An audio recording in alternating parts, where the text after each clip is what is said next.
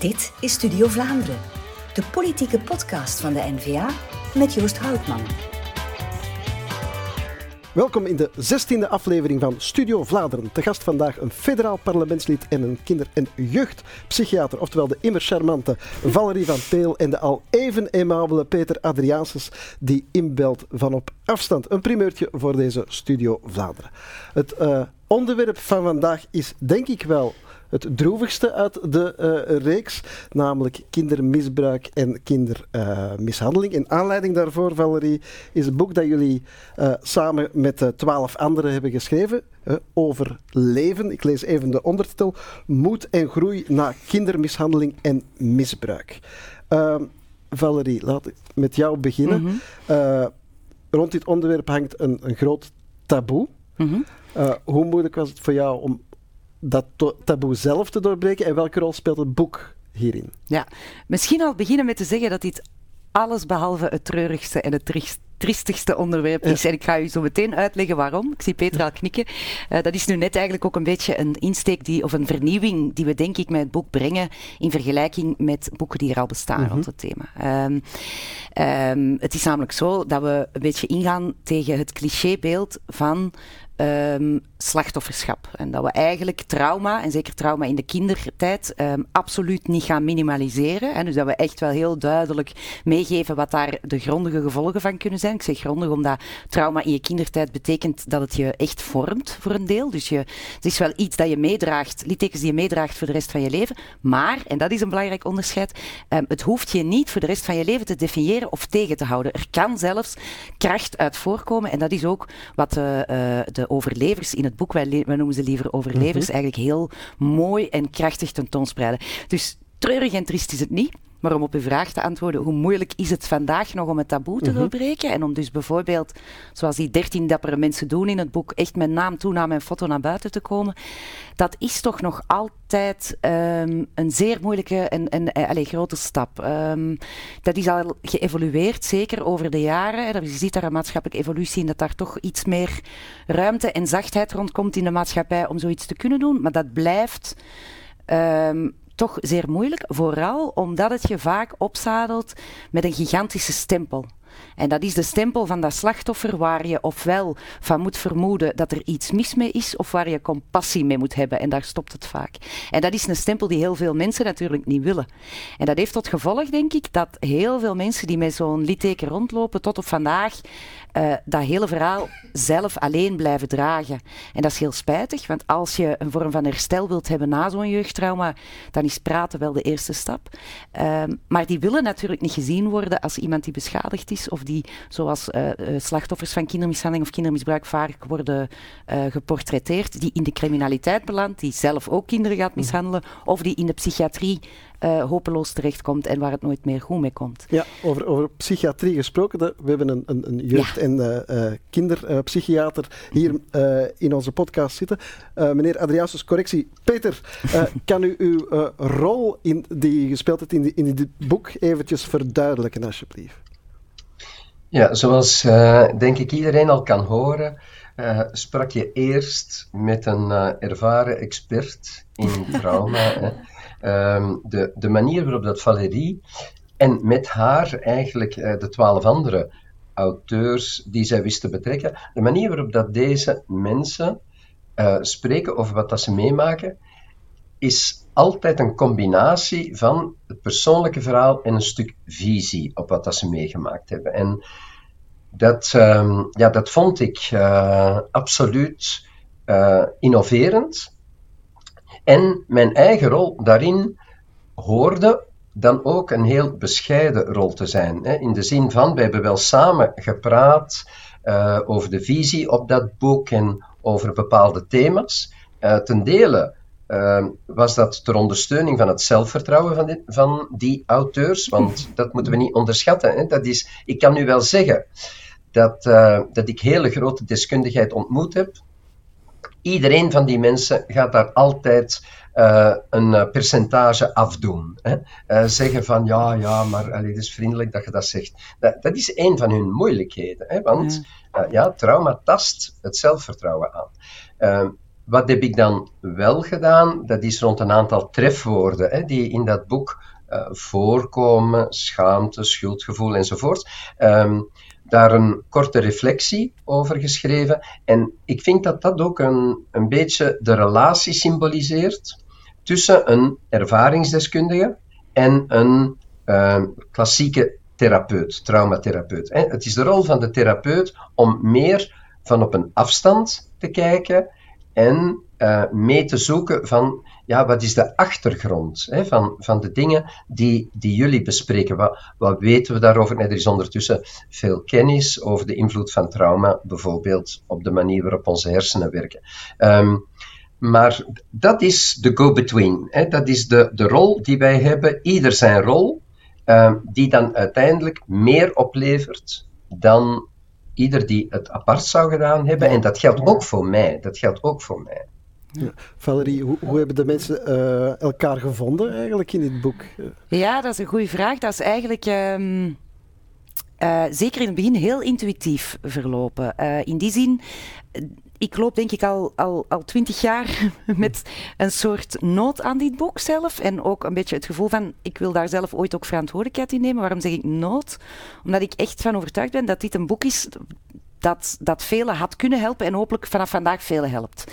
Die het vandaag aan het verwerken zijn. En waar dat, zowel ik als degene die uiteindelijk hebben meegewerkt het gevoel van hadden, hadden we dat gehad, had dat ons toch wel, had dat toch ons proces wat kunnen verkorten. Zo. Um, dus ik liep er al lang mee rond.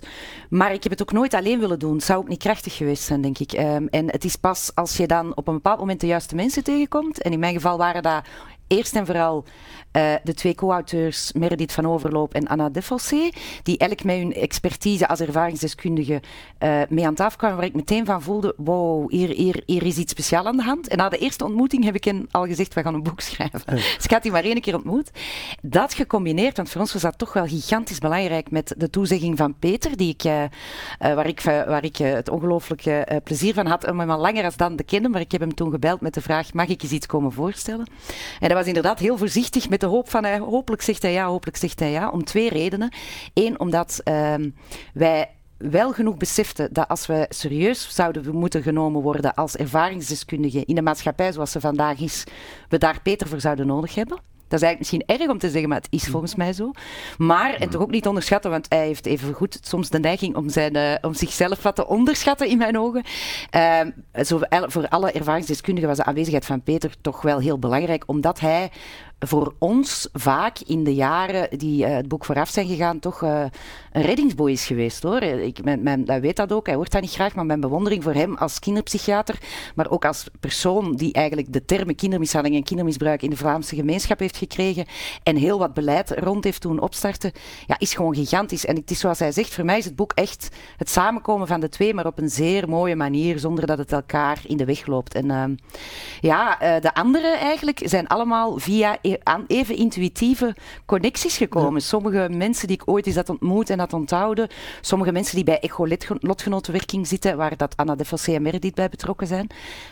Um, en op een of andere manier zijn wij uitgekomen bij 13 heel diverse verhalen, heel diverse profielen, maar heel gelijkaardige uitkomsten. Daarmee wil ik zeggen hoe divers het verhaal qua kindermishandeling, of het nu emotioneel, uh, fysiek um, um, of, of psychisch of, of, of misbruik is, hè, echt seksueel is. De littekens die daaruit komen, de uitdagingen die daaruit komen, zijn allemaal hetzelfde. En de kracht die die dertien uitstralen om daarmee om te gaan, is ook bij alle dertien eigenlijk heel gelijklopend. En nog één ding erover misschien. Eh, de eerste keer dat die dertien mensen die elkaar dus niet kenden, hè, zijn samengekomen, wel, daar moest je geen inleiding aan geven. En daar ben ik zelf heel erg van verschoten, want ik heb natuurlijk in heel dat proces van dat maken uh, van dat boek, ik heb nooit therapie gevolgd. Voor mij was dit misschien het dichtst bij therapie dat ik ooit ben gekomen. Ik heb er ook gigantisch veel van geleerd. En bijvoorbeeld hoe dat je zo 13 mensen zo verschillend kan samenzetten, ook qua leeftijd, hè, want de jongste is 10, de oudste is 79. Um, en dat die elkaar gewoon allemaal herkennen en eigenlijk heel rap veilig zijn bij elkaar. Dat heeft mij, mijzelf ook enorm, uh, enorm verbaasd. Maar het is wel een, een, groot deel van het boek geworden. Ja, ik zie Peter uh, knikken van op afstand. Jij hebt hetzelfde ervaren?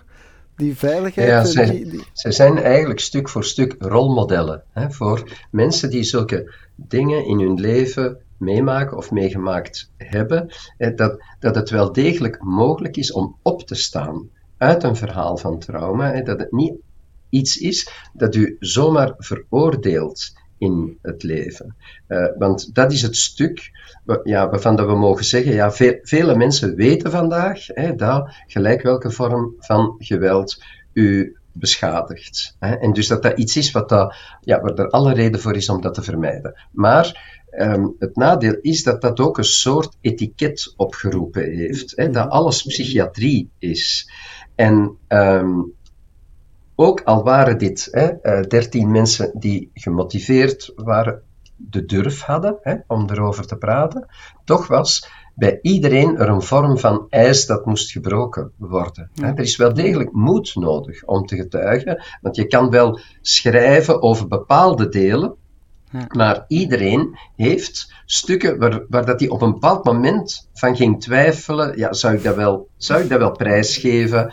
Ja. Uh, ja, daar schaam ik mij misschien toch over. Ga niet iemand nu dat gewoon omkeren en zeggen: ja, maar eigenlijk hè, waren we dan zelf ook een beetje verantwoordelijk.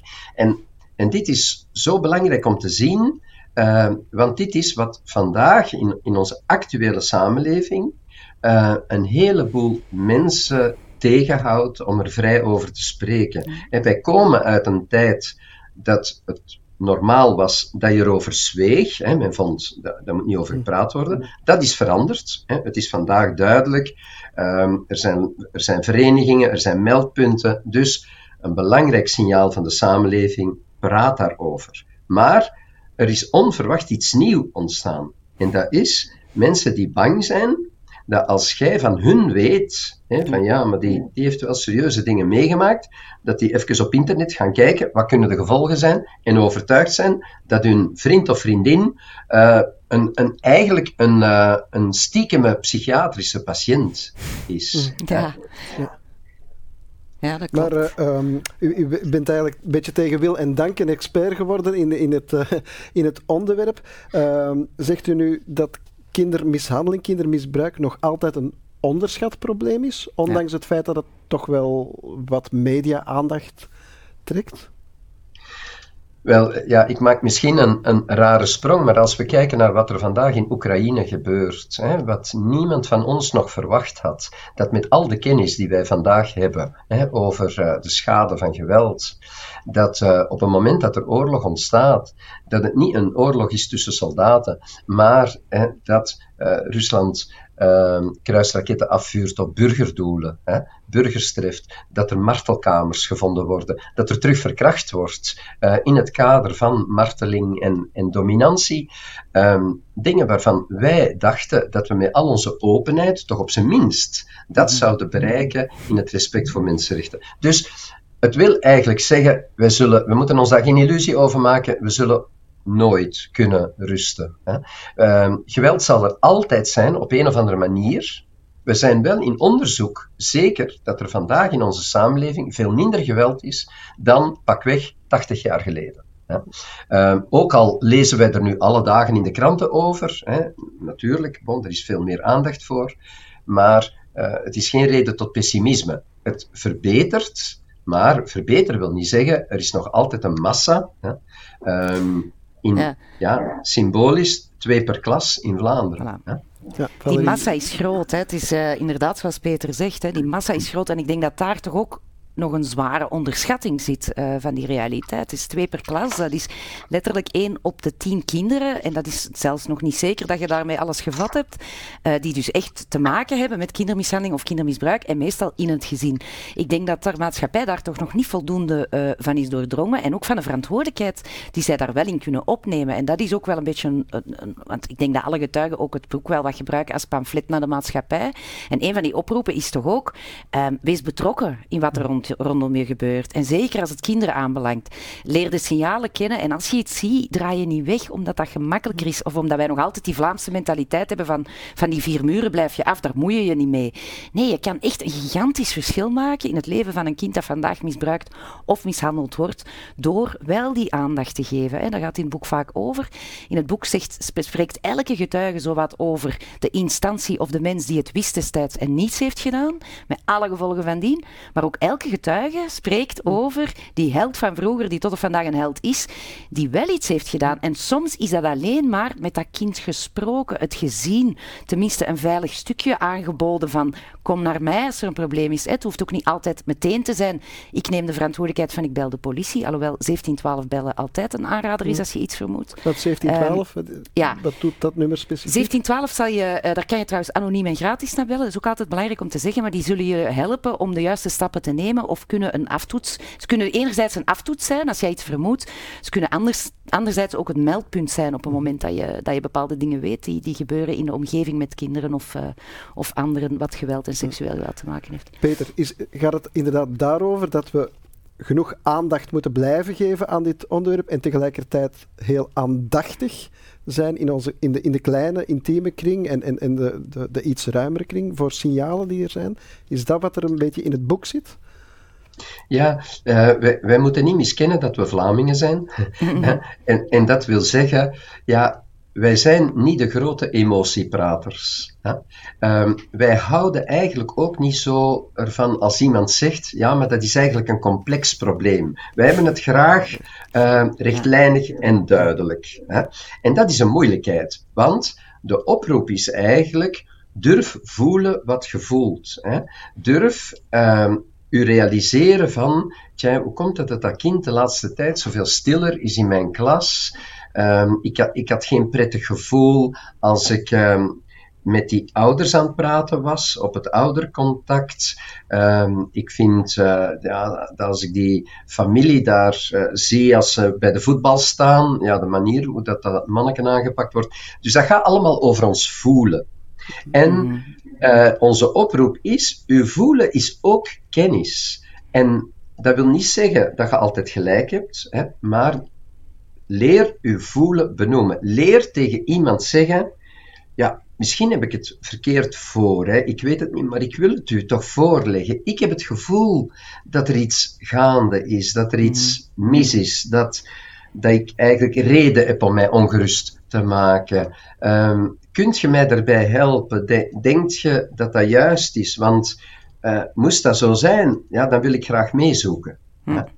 Um, en dat ja, ieder slachtoffer heeft de herinnering aan iemand die dat op een bepaald moment gedaan heeft. Hè? Klopt. Uh, dus we kennen de kracht van dat moment. Ja, ja. Valerie knikt hier heel hard uh, ja.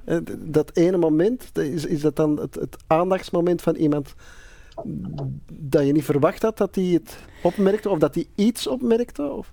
Ja, ik denk, allez, bij mij persoonlijk, in mijn verhaal, uh, heb ik vooral eerst ervaring gekregen met uh, niet zien mhm. en niet opmerken, like velen denk ik. Mhm. um, dat is trouwens ook een, een, een, hoofdstuk in ons boek, is het is zwijgen. Hè? Dat is iets dat door maatschappelijk ook soms misbegrepen wordt. Maar dat is niet laten zien dan ook? Dus ja, natuurlijk. Maar het gaat er ook over dat het is heel eigen aan kindermishandeling en macht uitoefenen op kinderen dat een kind gaat zwijgen. Dat zit zelfs mee in de handeling. En een dader maakt u medeplichtig of bedreigt u. En dat is mijn kind. Uh, een kind is daar zeer ontvankelijk voor. Dus dat, gaat, dat leert eigenlijk op dat moment al zwijgen. Maar dat zwijgen dat komt ook opnieuw als je voor de eerste keer toch een signaal geeft als kind. En dat wordt weggeblazen bijvoorbeeld. Hè? Of daar wordt niet naar geluisterd. Of daar wordt niks mee gedaan. Dan leer jij weer zwijgen. En zo komt het dat heel veel mensen vaak hun leven lang erover zwijgen. Of pas op een zeer volwassen leeftijd, als ze bijvoorbeeld zelf kinderen hebben en ermee geconfronteerd worden, wat er eigenlijk echt is gebeurd, um, um, doordat ze hun eigen kind in die leeftijd zien gaan, dat ze pas spreken. En uh, heel vaak krijg je de maatschappelijke uh, reactie ja, we zouden wel allemaal waar zijn, want waarom zeg je dat dan nu pas? Terwijl dat is zo eigen aan het hele gegeven. Ja. En oké, bij mij is het zo geweest, ik heb, ik heb lang gezwegen dus. Um, ik heb het op een veertien op een bepaald moment wel verteld. Um, eerst tegen een vriendje, dat is eigenlijk mijn positieve ervaring, want die, hm. die heeft daar toen, ook al was die zelf ook maar 14 jaar, eigenlijk heel ontvankelijk en heel mooi op gereageerd, wat mij de kracht gaf om het thuis te willen vertellen. Hè. Ik heb het in een brief geschreven, omdat ik wel de reactie niet aankon. Uh, maar wat gebeurt er vervolgens? En dat is natuurlijk ook een beetje eigen aan de tijd. Ik wil dat mijn ouders niet meer viseren, maar wat gebeurt er vervolgens? Zwijgen opnieuw. Dus mijn ouders geloofden het wel, gelukkig, want dat is al een eerste stap. een, een eerste belangrijke stap, denk ik. Uh, als je dat nog, nog tegen krijgt op zo'n moment, is het helemaal moeilijk. Uh, maar verder gebeurde er niets. Hè. Hm. Dus dan word jij natuurlijk terug in een eenzaamheid en in een zwijgen geduwd en een beetje een schuldgevoel en schaamtegevoel van oh, ik had misschien beter gezwegen. Ja, mijn volgende ervaring was op school. En dat was een, een leerkracht die merkte dat ik wat stiller was en die mij daar eigenlijk op bleef aanspreken en aanspreken tot ik eruit flapte wat er eigenlijk aan de hand was. En die gewoon reageerde met de woorden, is het dat maar? En mij zelfs fysiek buiten werkte op zo'n moment. Waarop de directie, om maar eens een voorbeeld te geven, want het is nu mijn verhaal, maar zo'n verhaal heeft elk ja, slachtoffer. een cascade van allemaal verschillende emoties. Waarop de directie op dat moment uh, door mijn ouders wel wordt aangesproken van, ja, maar het is niet dat ze daarover liegt, er is wel iets aan de hand.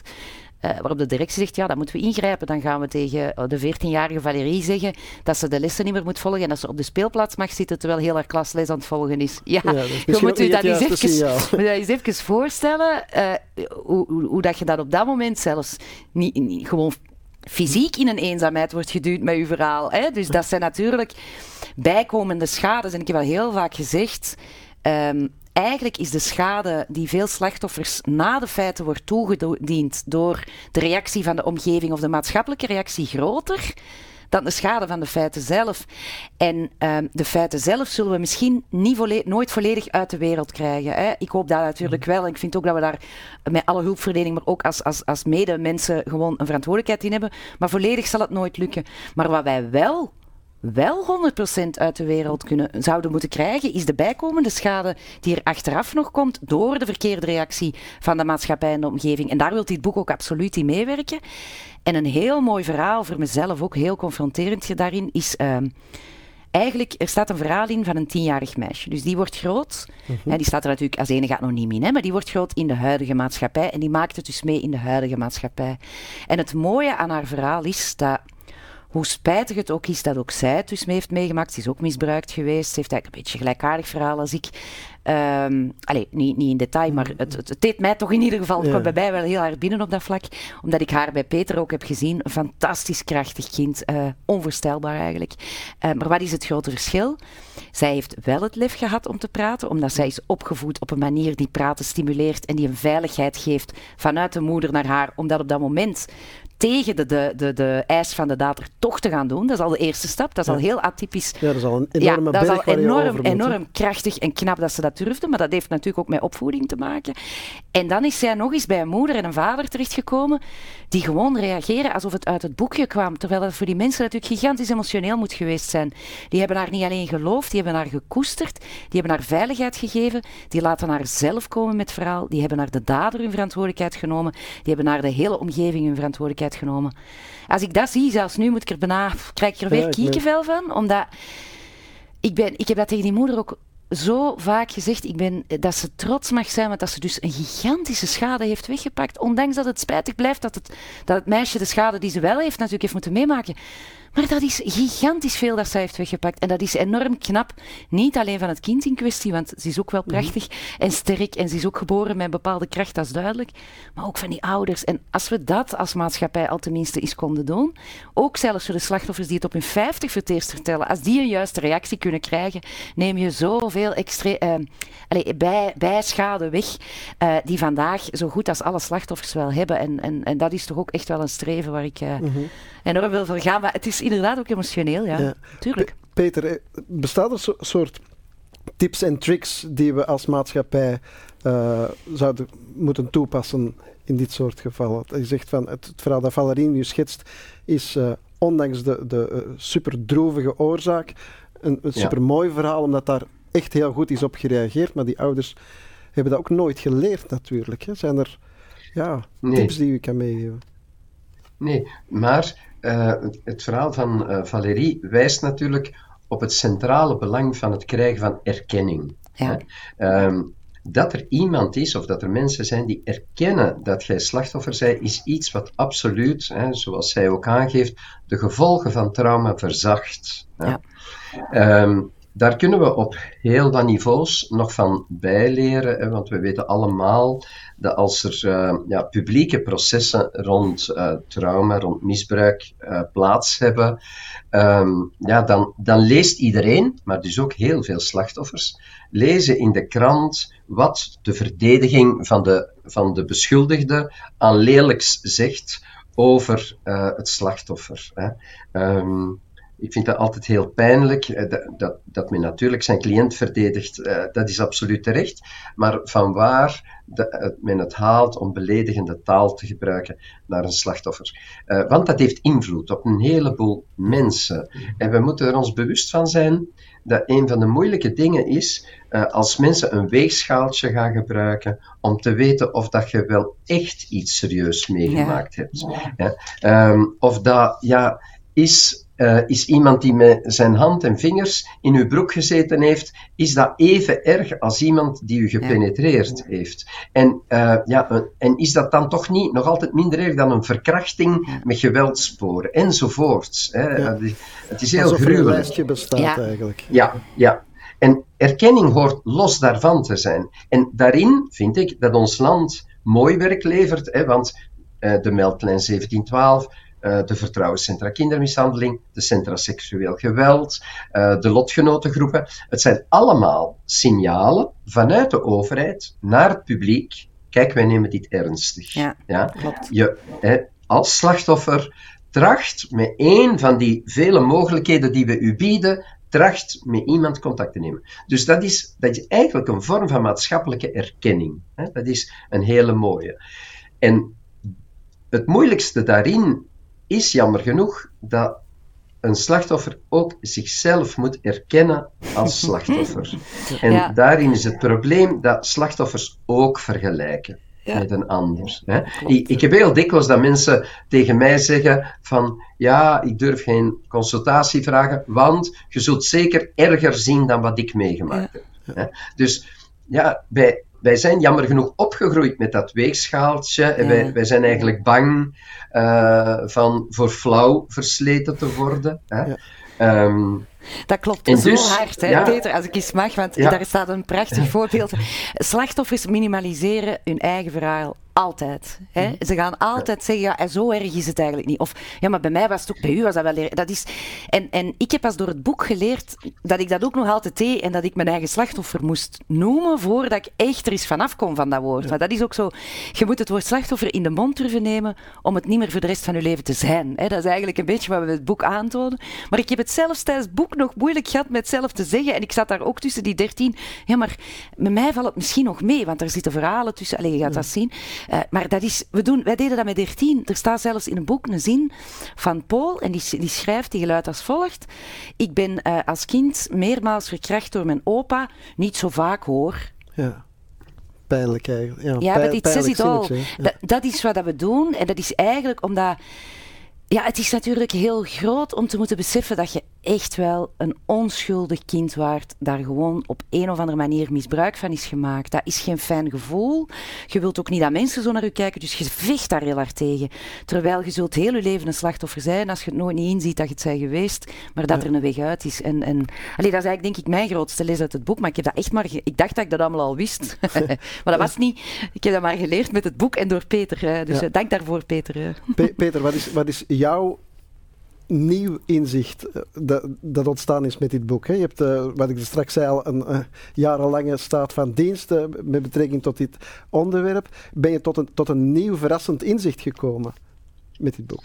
Ik vond het belangrijkste um, dat groei, hè, dat groei na het meemaken van traumatische dingen wel echt bestaat. Hè. Hm. het is zo dat in de kennis hè, van de invloed van geweld komen wij van ver. Hè. Er waren tijden dat we dachten dat het alleen psychologisch was. Dan sinds de jaren 2000 weten we, ja, maar dat heeft ook invloed op uw hersenen, uw hormoonstelsel. Um, dat klonk dan eigenlijk een beetje fatalistisch. Hè, van, ja, maar ja, kan ik daar dan nog vanaf geraken? Mm-hmm. Um, en eigenlijk pas in de laatste tien jaar um, komt, dankzij uh, het beter luisteren naar lotgenoten, het beeld naar voren van eigenlijk twee derde van de mensen die dat meemaken, die staan daar terug uit op met een, een evolutie in hun leven waarvan dat zij zelf weten dat heeft eigenlijk verband met wat ik meegemaakt heb. Ehm, je hebt mensen die, ik zeg maar, uh, kinderrechtenadvocaat worden, hè, omdat ze meegenomen hebben, ik, ik, wil, ik wil dat er iets gebeurt aan dat verhoor van kinderen. Je hebt mensen die hè, in de zorg terechtkomen, mensen die in beleid terechtkomen enzovoort. Maar heel vaak is er ergens een, uh, een, een toetsing met de ervaring van onrechtvaardigheid. Hè. En uh, daar na een dal kracht uitgevonden te hebben. Want uh, wat voor mij veel duidelijker geworden is, wij spraken wel al over groei na trauma, maar dat klonk natuurlijk als, ah ja, dus er zijn twee groepen. Er zijn, er zijn degenen die, die, die daar moeilijkheden in blijven hebben, en er zijn er degenen die uh, misschien zeggen, ja, maar dankzij trauma uh, ben ik dit en dat geworden. Ja. Um, en eigenlijk is door hen en door de aandacht die internationaal daarvoor groeit, veel duidelijker geworden: nee, het is niet dankzij trauma. Ieder van deze mensen is door het dal gegaan. En dat is blijkbaar iets wat we niet kunnen vermijden. Er is een fase waarin dat je de diepte ingaat. En het is in het daaruit komen dat mensen wegen vinden. Trauma heeft u veranderd. Hm. Heeft uw omgang met andere mensen veranderd, met de wereld veranderd. Het heeft invloed. Ja? Maar als veranderde mens heb je kunnen beginnen nadenken over je leven en zeggen: Ik ga verdomme geen cadeau doen aan die daders. Ja, inderdaad. Ik, ik word, ik word iemand of iets. En, uh, want het lijkt nu misschien wel alsof dat het boek een, een uh, achtereenkomen is hè, van de verhalen van ieder van die slachtoffers. Maar dat is niet. Als je kijkt naar de inhoudstafel van het boek, hè, dan, dan zie je alle grote thema's van trauma. Hè, uh, zwijgen, erkenning krijgen, uh, vertrouwen terugvinden enzovoort. Alsof, ah, ik ga nu een boek lezen dat geschreven is door trauma-experten. Um, en het mooie is dat, dat al die verhalen uh, geknipt zijn hè, en in thema's samengebracht zijn, zodat je ook ziet, ja, maar dat groot woord zwijgen bijvoorbeeld, ja, daar zit een enorme rek op. Hè. Dat uh, gebrek aan zelfvertrouwen, ja, maar dat kan heel veel verschillende vormen vinden. Hè. En daardoor is het boek voor mij heel nieuw, hè, want het is niet gewoon het erge verhaal, zal ik maar zeggen, hè, van ieder van die dertien mensen. Ja, ik denk dat er uh, een, een, een, perfecte pitch is gegeven voor het boek, om het boek aan te schaffen en erin te uh, duiken. Een, een, een, donker thema, maar het is toch wel heel helder uitgelegd. Uh, dank Peter Adriaansens voor uw heldere uitleg. En ik ga nu even met Valerie verder het politieke luik eventjes aftasten. Bedankt, Peter. Dankjewel, Peter. Tot ziens. Ja, Valerie, want ja, de politiek kan niet uh, alles oplossen in, in, in, in de nee. wereld natuurlijk. Uh, dat is zelfs absurd om, om, om dat te denken. Mm -hmm. uh, maar dat neemt niet weg dat er wel initiatieven kunnen genomen worden.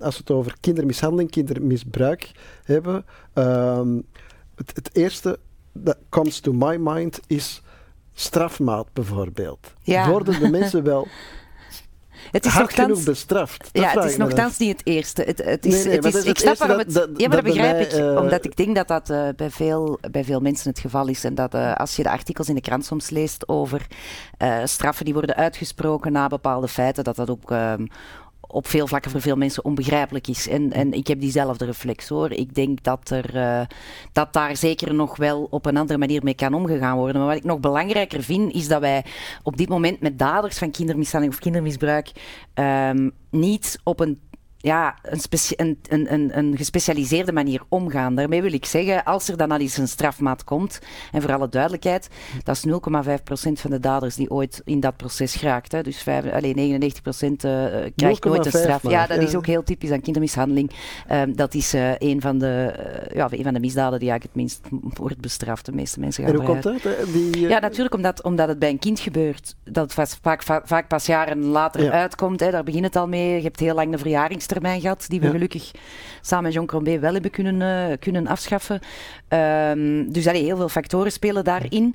Eh, het schaamte en schuld van, van, van, van het, het slachtoffer, maar ook het moeite aan bewijzen dat het zoveel Ja. jaar later is. Allee, dus eh, dat is sowieso al een traject dat eigenlijk amper lukt. Maar als het dan lukt, zijn de, zijn de straffen inderdaad vaak klein. Maar nog erger vind ik dat er bij strafeinde ehm, geen risicotaxatie gebeurt over verder gedrag naar kinderen toe. En in het, Je in bedoelt, het- als, als de straf is Ja, uitgezet, ja. laat ons stellen dat die dan Ja. nog volledig wordt uitgezet. Wat dan? Ja, bijvoorbeeld. Ehm, en in het, eh, in het allerhoogste geval krijg je zo een verbod op bepaalde jobs. Mm. Dat, dat kennen wij wel. Het kan zijn dat jij eh, niet meer met kinderen mag werken. En dat Ja. je, door, je, door wat er op je strafblad staat. Dat, dat, dat bestaat vandaag wel. Maar wat dan bijvoorbeeld Maar niet wordt dat bestaat... dan ook echt heel Dat- nauw Dat is al de eerste opgevolgd? vraag. Dat is al de eerste vraag. Maar goed, geen enkele eh, maatregel is perfect. Ja. Hè? Dus oké, dat bestaat. Maar wat bestaat dan bijvoorbeeld niet? En dat staat er voor mij toch echt wel haaks op. Voor diezelfde persoon bestaat wel het recht om een nieuwe relatie te beginnen zonder dat die nieuwe relatie weet wat het verleden is. Nieuw kinderen te maken en eigenlijk dus eh, binnen het gezin met die kinderen eh, Maar kan je iemand verbieden van een nieuw leven te beginnen met een, een nieuwe partner? Wel, ik vind dat wel. Jij vindt van wel? Nee, nee, nee, je kunt niemand verbieden om een nieuw leven met een nieuw partner. Nee, nee. Je kunt wel iemand verbieden om samen te leven met kinderen, ja. Absoluut. En ik denk eh, dat eh, heel veel van de zaken die de laatste tijd in de, in, de, in de pers zijn geweest, ook van daders, zeker onlangs nog, hè, een dader die zijn eh, vier maanden oude zoontje had doodgeslagen, oké, raakt in, het, in, in de gevangenis, komt terug vrij, maakt een nieuw lief een nieuw zoontje, drie maanden later dat zoontje ook dood. Dat zijn zaken waar wij gewoon geen enkele opvolging in hebben. En dat vind ik bijvoorbeeld een problematische situatie. En veel daarmee heeft te maken met dus dat je op het einde van de straf, als het is uitgezeten, eigenlijk bij ons nu niks kan opleggen. Alhoewel er genoeg eh, maatregelen te nemen zijn waardoor dat, dat wel kan. En omdat er eigenlijk niet voldoende vanuit bescherming van kinderen wordt ge- geredeneerd. Het tweede waar dat mee te maken heeft, is ook dat. allee, dat de hulpverlening of de verschillende eh, organisaties, parket, justitie, OCMW, eh, iedereen, scholen, iedereen die betrokken is bij kinderen, dat die eigenlijk ehm, een heel slechte informatiedoorstroming hebben. En dus dat je heel vaak Sommigen ziet... weten iets, maar... ja, en dat je heel vaak ziet als er zo'n zaak dan toch eens in de media of in het, bij het gerecht terechtkomt, dat er achteraf gezien heel veel aparte dingen waren waar dat er van op de hoogte was gegaan, maar doordat die informatie niet met elkaar wordt gedeeld, vaak onder mom van het grote beroepsgeheim, hè, dat het dan als grote kap wordt gebruikt, ehm, dat dat heeft tegengehouden dat er ook daadwerkelijk is ingegrepen. En dat zijn bijvoorbeeld toch zaken, als je het nu beleidsmatig hebt, waar wij nog eh, perfect eh, grote stappen in zouden kunnen zetten, moest er een meerderheid voor te vinden zijn. Voor wat het beroepsgeheim betreft, eh, bijvoorbeeld wat mij betreft, als er acuut gevaar is bij een kind voor mishandeling of misbruik, ja, dan vind ik dat je gewoon een, een, een spreekplicht moet hebben. Ik zou, daar wil ik zelfs geen discussie meer over hebben, maar dat is in de feiten zeker niet het geval. En ehm, die kleine groep die dan wel bestraft wordt, kan je die ook bepaalde dingen opleggen tijdens hun straf? Dat je zegt van... eh, Wel, de mogelijkheden zijn daar eigenlijk heel beperkt. Ehm, en dat, nu ga ik heel ver. Ik ga, ik ga niet alles in detail bespreken, want dat gaat ons te ver brengen. Maar ik, we zijn nu op dit moment in commissie met een resolutie rond justitie bezig. Alles begint met risicotaxatie. Hè. Op welke manier is het feit dat gepleegd is geen eenmalig feit, maar een risico voor verder? Hè. Dat zou eigenlijk op elk moment eh, van zo'n proces moeten gebeuren. Dus bij het begin natuurlijk, bij de uitspraak, maar ook eh, tijdens, tijdens het feit, de, de jaren dat iemand in de gevangenis zit, want daar kan je dan je behandeling aan aanpassen, maar ook op het moment dat iemand vrijkomt. Hè. Dat gebeurt vandaag niet. Je hebt ook ehm, de discussie rond toerekeningsvatbaarheid. Vandaag is dat bij ons zwart-wit. Ofwel zeiden dat wel, ofwel zeiden dat niet. En, en, en daar komt dan ook een apart traject uit. Zij het niet, dan krijg je dat traject. Zij het wel, dan krijg je alleen dat traject. In Nederland heb je die graduele toere- toerekeningsvatbaarheid. Die, die maakt dat iemand die een gevangenisstraf krijgt, ook nog altijd verplichte behandeling kan krijgen. Ja. Dat is ook zoiets waar jij zeker rond, rond feiten met zodanig kinderen toch minstens op zou moeten kunnen werken. van wa- waar voilà, zit voilà. En, Maar alles heeft vooral te maken met te durven opvolgen en bijvoorbeeld ook de grote. dat- Dat is pas de echte discussie die in heel ons eh, beleid rond jeugdbescherming en trouwens in de voltallige hulpverlening en parket en politie is ten gronde zou moeten gevoerd worden, is van welk premisse vertrek je? Vandaag is het nog altijd zo, ook al wordt er hier en daar wel wat over gediscussieerd, dat, eh, dat wij vertrekken vanuit de premisse elke ouder bedoelt het in C goed met zijn kinderen in ons beleid. En dus als het misloopt, moet daar hulpverlening rond de ouders. Maar laat ons vooral alles doen om kind en ouders samen te houden. En nu eh, zit ik hier niet te zeggen dat dat in veel gevallen niet een correcte analyse is, want dat is natuurlijk. Soms heeft het ook met stress te maken, heeft het te maken met andere problematieken. Oké. Maar de premisse zou niet moeten zijn hoe houden we die twee samen. De premisse zou moeten zijn hoe houden we een kind veilig en hoe zorgen dat die in een liefdevolle omgeving opgroeit. En als dat de premisse is, dan gaat je andere besluiten moeten maken als vandaag het geval. Want het is niet zo, maar echt niet zo, dat elke ouder het goed bedoelt met zijn kind. En daar moeten we nu eens echt vanaf. En als je bijvoorbeeld al een ouder hebt waar al vijf kinderen... Ja, maar het is gewoon zo. Ik ben ook OCMW-voorzitter geweest. Ik heb vroeger met kinderen die geplaatst zijn gewerkt. Uh, iedereen die echt met zijn voeten in die hulpverlening staat, moet dat ook toegeven. Je hebt ouders waar je met alle hulpverlening van de wereld geen ouder van zal maken. En als je kinderen daar steeds opnieuw bij blijft opduwen, en dat is trouwens, komt in het boek ook aan, aan bod hoor, want er zitten ook getuigingen van instellingskinderen die elke keer opnieuw terug naar hun, hun ouders worden met alle gevolgen van dien, hm. eh, dan blijf je zo'n kind blijvend extra beschadigen. En dat is iets waar we vanaf moeten. De eerste vraag moet zijn, is het kind veilig? Heeft het de juiste omgeving en liefde? Is dat nee, dan hoeft dat kind op dat moment in eerste instantie niet de speelbal te worden van de al dan niet slagen van de hulpverlening van de ouders. Dat moet je durven uit elkaar trekken. En als iemand al vier kinderen heeft gehad, al vier keer um, tot een verplaatsing in een instelling moeten overgaan, dan moet je bij de vijfde keer dat zo iemand zwanger wordt toch wel eens gaan nadenken of dat je niet preventief moet ingrijpen of dat je gaat afwachten of het de vijfde keer ook gaat foutlopen. En dat is wat we vandaag doen. Dus allee, ik vind dat er in het beleid nog gigantisch veel werk is. Ehm, ik heb daar uh, twee jaar geleden... Het verschil tussen het uh, fysiek ouder zijn en het, het concept echt ouder zijn van een kind, dat we daar toch wel maar eens... Uh... niemand is perfecte ouder, hè? ik ben dat ook mm. absoluut niet. Hè? Ik zeg dat geregeld trouwens, ik geef ook geregeld toe aan mijn kinderen, ik ben geen perfecte ouder. Ik maak fouten. Ik vraag ook helemaal niet om perfect ouderschap. ik denk zelfs dat dat niet gezond zou zijn, moesten we allemaal perfecte ouders zijn, dan moesten we allemaal robotjes grootbrengen. hè? Voilà. Dus daar gaat dat niet over. Het gaat wel over die fundamentele zaken die fundamenten die trouwens ook in het kinderrechtenverdrag staan natuurlijk, maar die elk kind wel zou moeten hebben. En dat is veiligheid, liefde en erkenning. Dat zijn die drie dingen. Gezien worden, geliefd zijn en veilig zijn. Dat is het minimum dat iedereen aan zijn kinderen moet geven. Dat wil niet zeggen dat er is geen situatie mag zijn waar een van die dingen even zonder spanning komt. Hè. Maar dat zijn de drie pilaren. En als je die, een van die drie of alle drie die pilaren weghoudt bij een kind, ja, dan beschadig je hen natuurlijk voor de rest van hun leven. Dan krijg je de slachtoffers vandaag die getuigen. En ik vind dat wij als overheid, we hebben het altijd over kerntakendebatten, ja, laat ons alsjeblieft eens een kerntakendebat doen, dat is voor veel redenen mhm. mogelijk, maar dan is voor mij, punt 1, de veiligheid van uw kinderen. En wij zijn daar veel te afwachtend in. In tegenstelling tot sommige andere landen is ons beleid altijd gericht op hoe houden we die twee samen, ook als al heel duidelijk is gebleken dat ze het woord ouder nooit waard zullen zijn. En dat is iets ik heb daar in de politiek heel vaak over uh, gediscussieerd. Dat wordt dan vaak een heel dogmatisch politiek debat waar iedereen zich zet, dus dat is hopeloos. Ik heb datzelfde debat ook eens naar een werkgroep uit het parlement getrokken. Weg van de camera's, weg van, van de kijker. Maar dus dat je, het is echt met experten kon bespreken en de verschillende partijen. Gewoon aan tafel, rustig, kunnen we hier niet ergens toch bepaalde beleidsstappen zetten. Dat was een fantastische ervaring wat de experten betreft. er is ook van alles uitgekomen door uh, connecties die daar gemaakt zijn tussen experten. Dat was een verschrikkelijke ervaring wat de politiek betreft. Dat is ook een van de redenen, een van de vele die in mijn emmer zijn gekomen omdat ook daar weer bleek dat zelfs over zo'n thema op het einde van de rit politieke spelletjes worden gespeeld, die dus maken dat je dat soort van fundamentele stappen blijkbaar in je beleid niet kan zetten. En dat, dat, dat ja, dat, dat vind ik onvoorstelbaar. Um, is dat nu, ah, ben ik nu misschien allemaal wat te negatief, omdat, omdat ja, dat zo gevoelig ligt? een moeilijk onderwerp ja, uh, pas op, eh, op Vlaams niveau worden bijvoorbeeld wel wat stappen gezet met de kindreflex. Dat is een hele belangrijke met de meldcode. Er zijn wel wat dingen aan het bewegen. Maar ja, je, zult, je zult wel begrijpen dat dat voor mij niet snel genoeg beweegt, want dat ik dat gewoon te fundamenteel vind nog uh, heel wat uh, werk op ja, de, op, sorry, op de, op de plank. Ja, ja, maar nee, maar ja, het is ook denk ik wel het meest gevoelige ja. onderwerp dat er is. De veiligheid van, van een kind en van onze kinderen. Uh, dus ja, veel moed en energie nog gewenst, want die strijd moet geleverd worden. Dank voor de heldere uitleg over een donker onderwerp. Um, dank Valerie van Peel, dank ook Peter Adriaanses, die daar straks inbelde. En dan gaan we nu over naar een ander onderwerp in feit en fictie. Dag iedereen, ik ben Axel Ronse, vierde West-Vlaming en Vlaams parlementslid voor NVA. Ik ben gepassioneerd door ondernemerschap. Meer mensen aan de slag krijgen is de sleutel voor onze Vlaamse welvaart. Recent klonk dat we ons zorgen moeten maken over het cijfer 44%. Dat cijfer betekent dat meer dan 4 op de 10 beroepsactieve migranten van buiten de EU hier niet aan het werk zijn. In Wallonië is dat zelfs meer dan 5 op 10. Jammer genoeg is dat geen fictie, maar zijn het harde feiten. Nochtans zijn heel wat bedrijven op zoek naar medewerkers en zijn ze zelf bereid om het Nederlands op de werkvloer aan te leren. Hoog tijd dus om die mensen aan de slag te krijgen. Dit was weer een aflevering van Studio Vlaanderen. Ik dank mijn gasten, maar ik dank ook vooral u om te kijken en te luisteren. Op naar een volgende Studio Vlaanderen.